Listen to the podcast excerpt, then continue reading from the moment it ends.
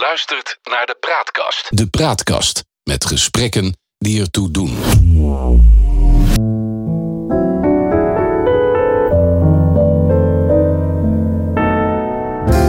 Dit is een aflevering van het Geheugenpaleis. Mijn naam is Jon Knierim en samen met Han van der Horst maken we deze podcast.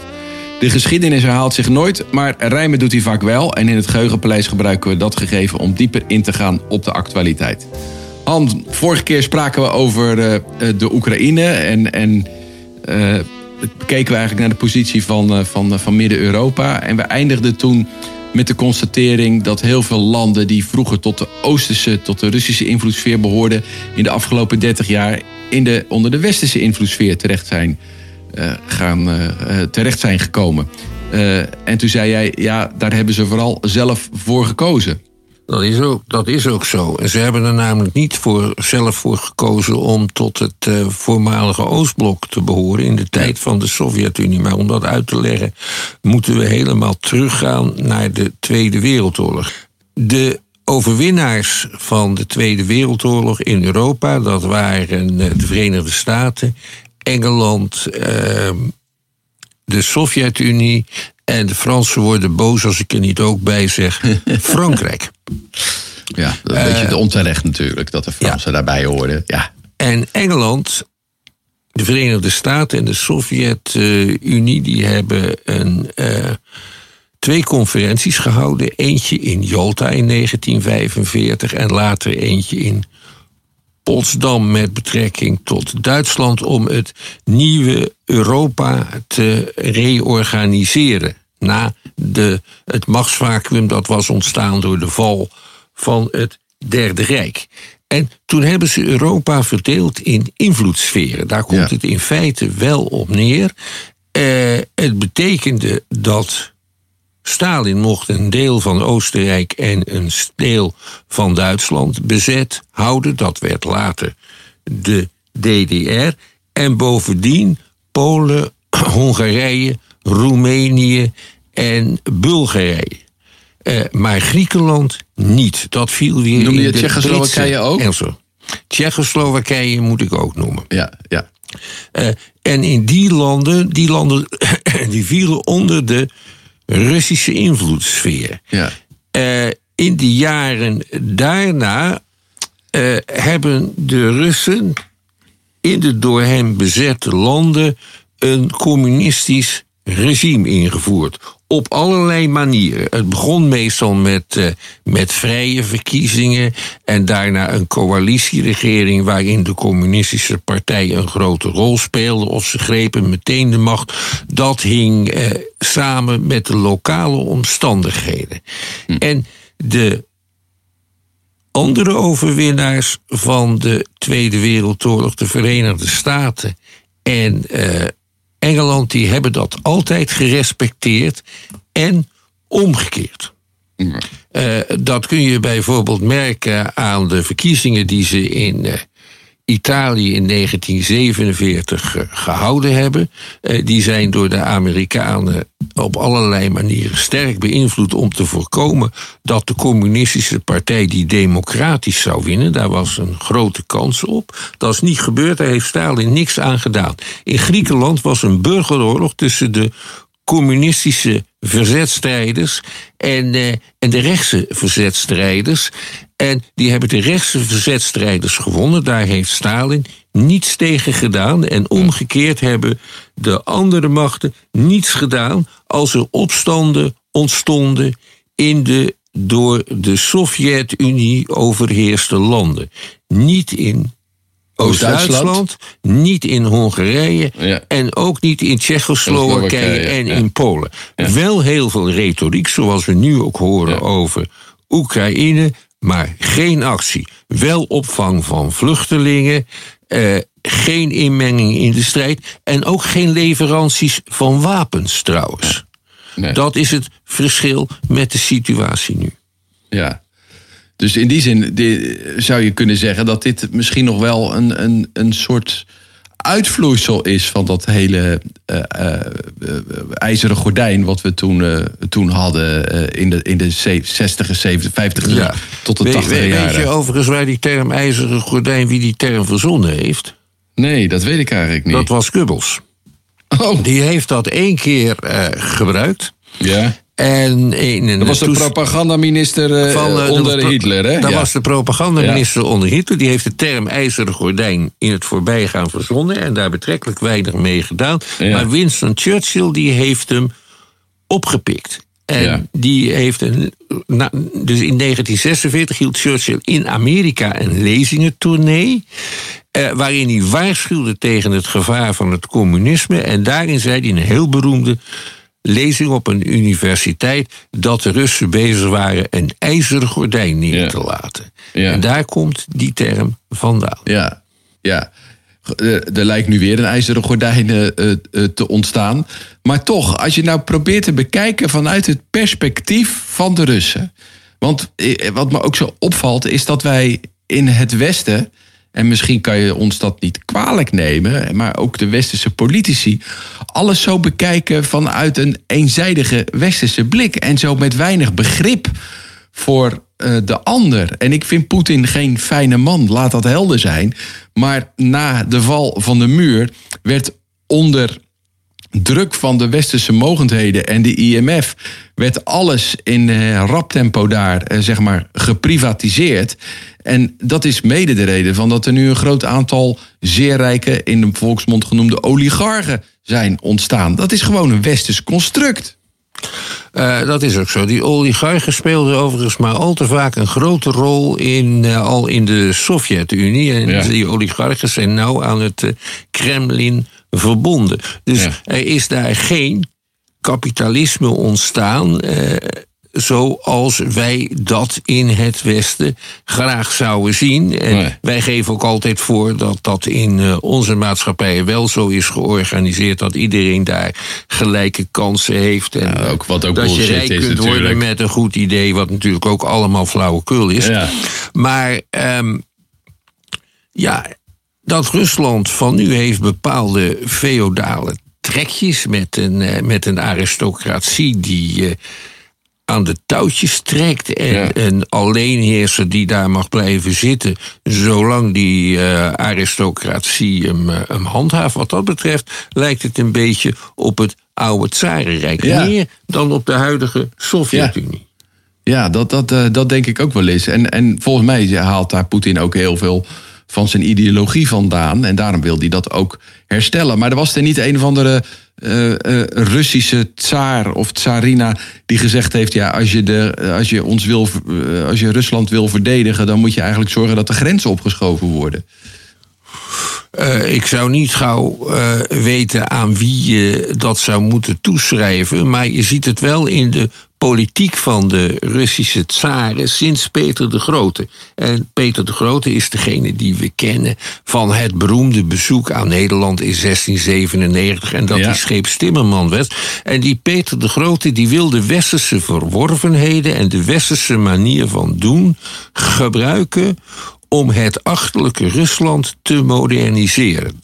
Dat heeft hij eh, zichtbaar gemaakt in zijn nieuwe hoofdstad, Sint-Petersburg.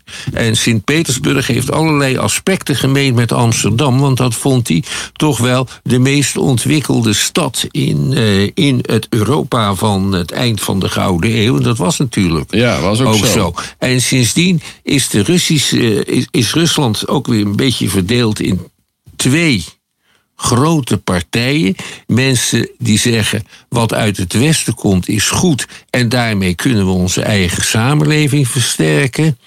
En de andere partij die zegt je moet daar heel voorzichtig mee zijn, want anders gaat onze ziel verloren. In het hele grove gezegd. En die laatste partij, die heeft het nu ideologisch voor het zeggen. Kijk maar wat de hoogste geestelijke van, eh, Sovjet, van de Sovjet-Unie, zeg ik, de hoogste geestelijke van, Rusland, eh, pas heeft gezegd over dat de lakmoesproef is voor een land om door het Westen geaccepteerd te worden het organiseren van een gay pride. Dan Ja. deug je en anders niet. Dat heeft die patriarch van Moskou gezegd. En dat Ja. geeft in een notendop weer eh, hoe eh, die ideologie in elkaar zit. Van je afzetten tegen het, eh, het decadente, verwezen, verzondige en verwekelijkste Westen dat al je krachten ondermijnt. Ja. Ja, dat is een manier waarop je de wereld in kan kijken. Wij zien eh, dat op een andere manier, maar daarmee is dat toch niet per definitie een foute manier om de wereld in te kijken. Het getuigt toch van westerse Nou, arrogantie om dat te veroordelen. Ik veroordeel dat wel, want ik ben voor de liberale democratie en voor de vrijheid. En ik denk dat het een geschenk is aan de hele mensheid. Ja, maar dat- en dat kan je deze toch niet- andere partijen, deze gasten, die daar in het Kremlin aan de macht zijn, die Ja. leggen hun ideologie aan de bevolking op Ja. en dwingen gehoorzaamheid af. Ik ben daar geen voorstander van. Vers 2 is of ik bereid ben om die reden een atoomoorlog te voeren. En dat ben ik niet. Nee, dus, dus de consequentie daarvan is, want dat, dat is natuurlijk ook wat je in de hele westerse reactie op dit conflict eh, ziet. De consequentie daarvan is dat als je er niet voor wil strijden, dat je dan bij neer moet leggen wat de andere partij eh, opdringt. Ja, nou, je kunt ze arm maken. En dat is op het moment eh, de strategie van het Ja. Westen. Ja, ja, we zorgen dat we met de economische sancties eh, de Russen op de knieën eh, dwingen. In die zin zou je ook kunnen zeggen dat de derde wereldoorlog eigenlijk al lang gaande is. Ja, de oorlog is begonnen. Alleen we vechten, wij vechten hem aan onze kant niet met de wapens uit. Dat laten we over aan de Oekraïners. Ja, maar dat is toch, dat is toch ook weer ongelooflijk laf. Het is cynisch, het is niet laf. Het is verstandig, het is niet laf.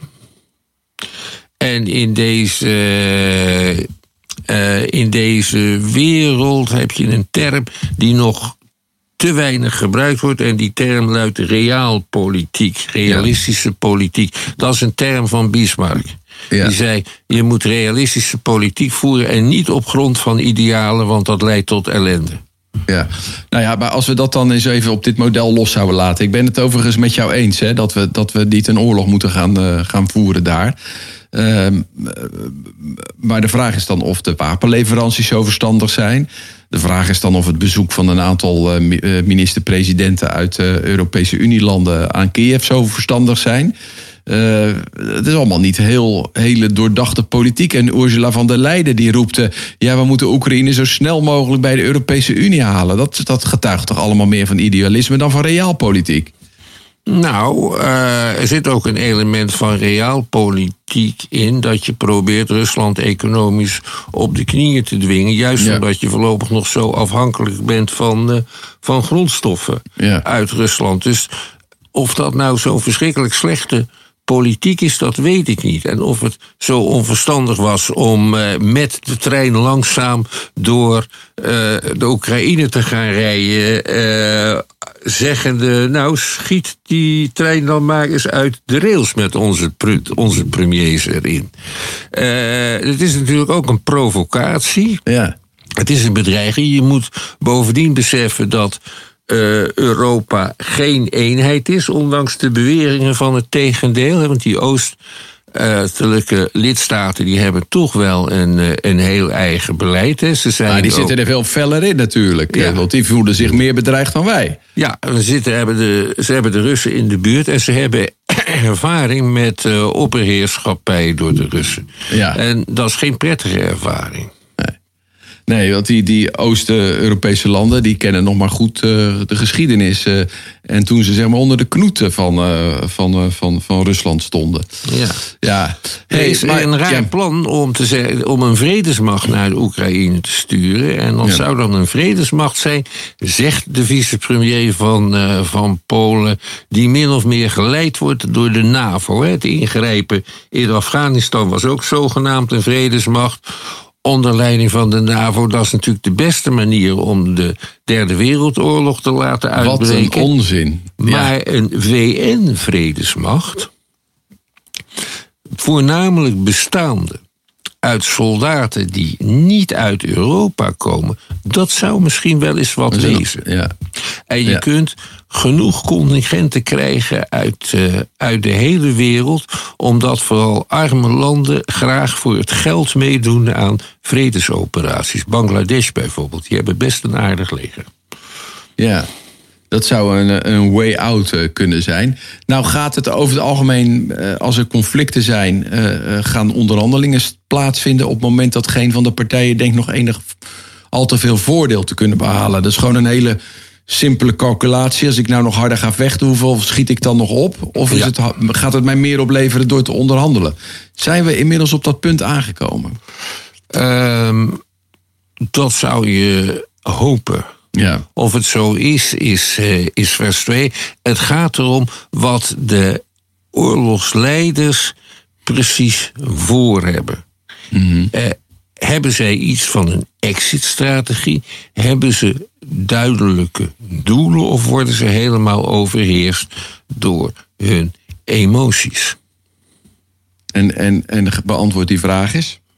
Dat weten we niet goed. We weten niet goed hoe Zelensky denkt. Die is, dat is trouwens iemand die steeds met wisselende boodschappen komt. En we weten eigenlijk ook niet hoe Poetin denkt. Of het inderdaad een cynische machtspoliticus is, of die inderdaad door allerlei dromen over het grote Rusland eh, gedreven wordt, of dat het een combinatie is van, van alles en nog wat.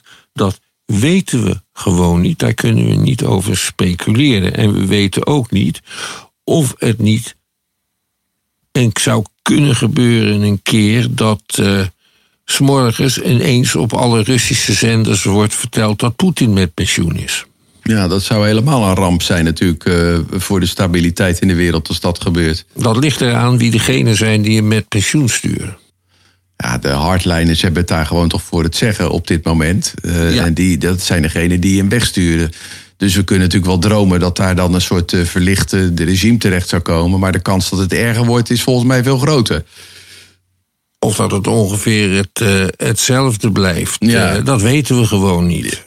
Dus Nou ja, moet je daar niet over speculeren.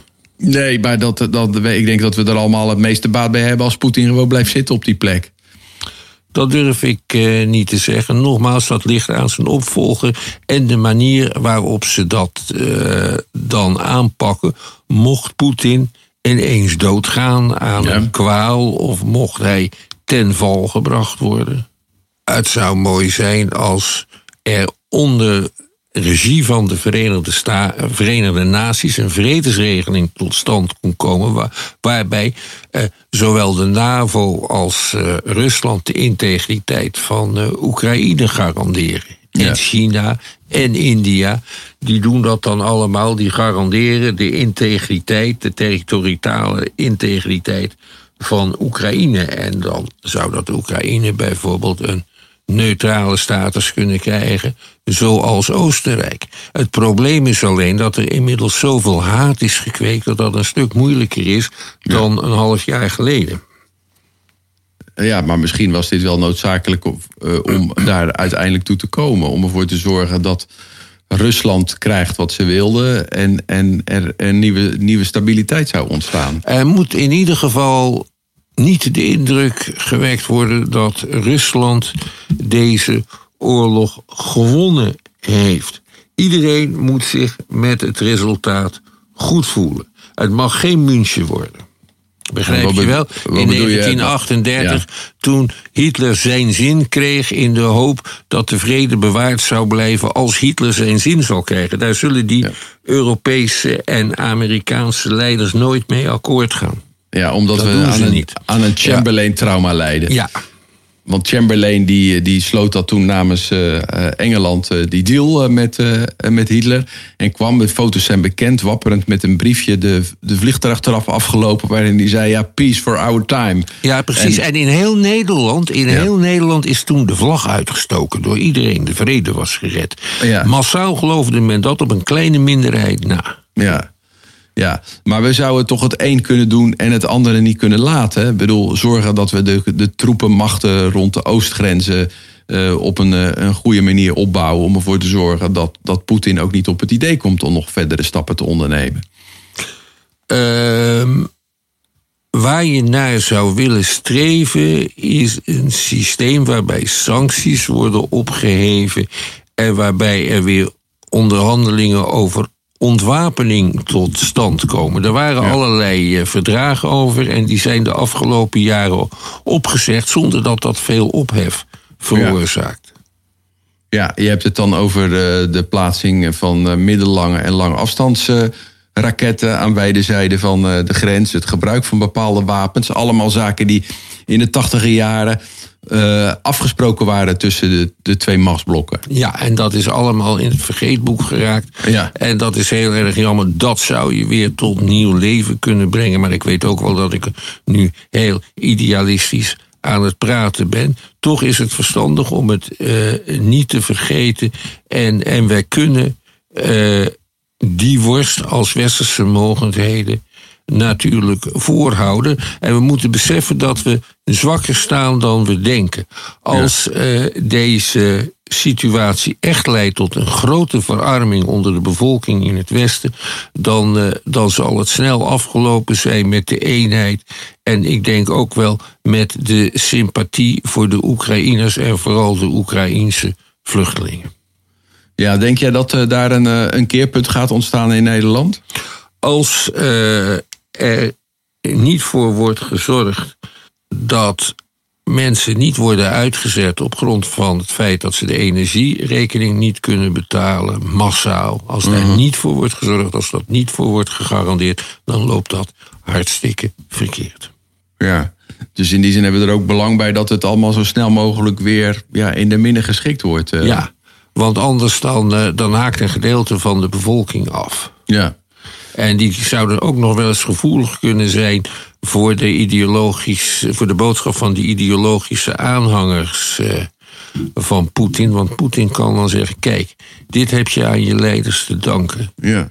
Maar daar heeft hij nog gelijk en in ook, kan- toch? Of niet? Nou, het punt is eh, dat, eh, dat hij dan een gedeelte van het gelijk aan, aan zijn zijde heeft. Ja. Jullie hebben mij niet mijn gang laten gaan en dit zijn de consequenties. Ja. ja.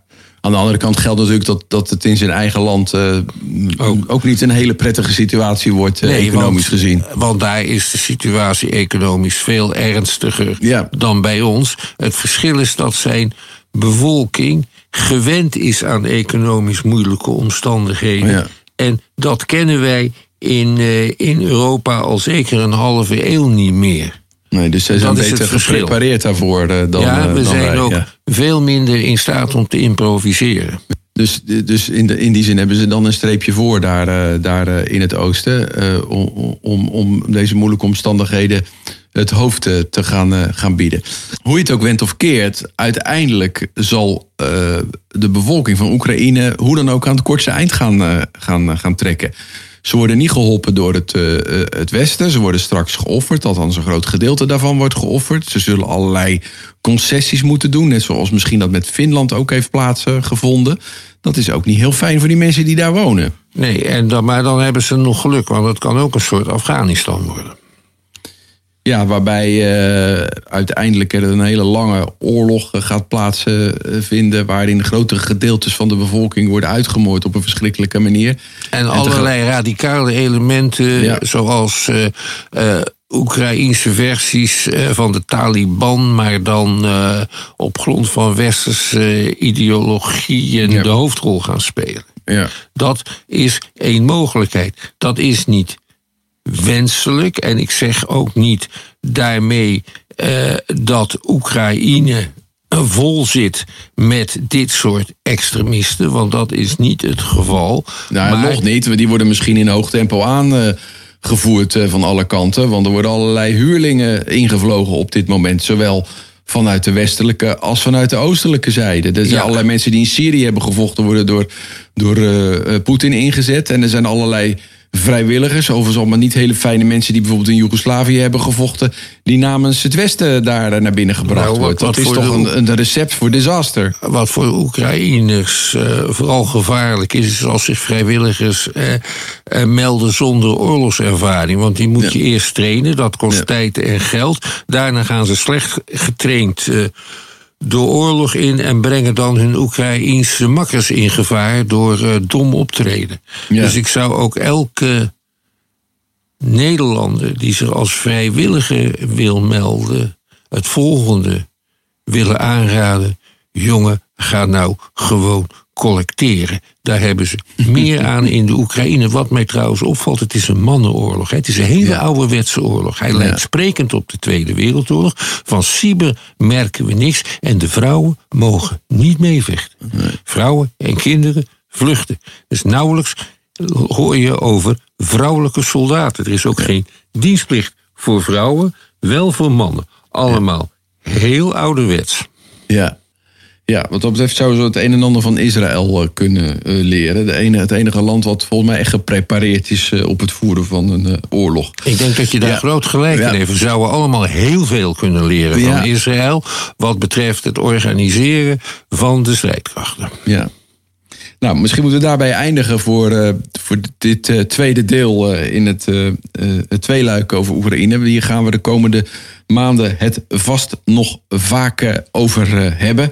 En over de betekenis eh, in, in de geschiedenis. Maar Tot ook zo- vaak niet, want je wordt er ook Ja, op een beetje duur moe van, moe van ja, en beroerd. En het is net zoiets als bruine bonensoep is geweldig lekker, maar als je het 14 dagen achter elkaar moet eten, is het toch heel vervelend. Nee, tenzij het natuurlijk allemaal zo heftig is dat je er niet aan ontkomt om je ermee bezig te houden, omdat het existentiële bedreiging wordt. eh, Precies, dan maken we deze podcast vanuit de schuilkelder.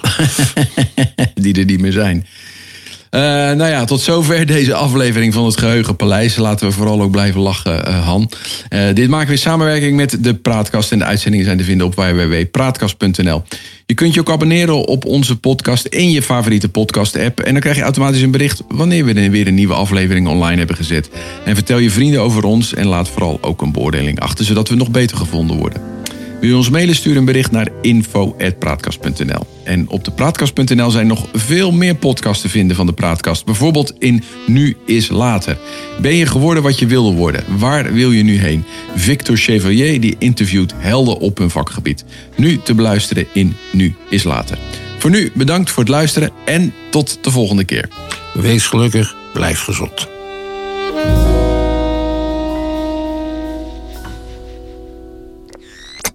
De Praatkast.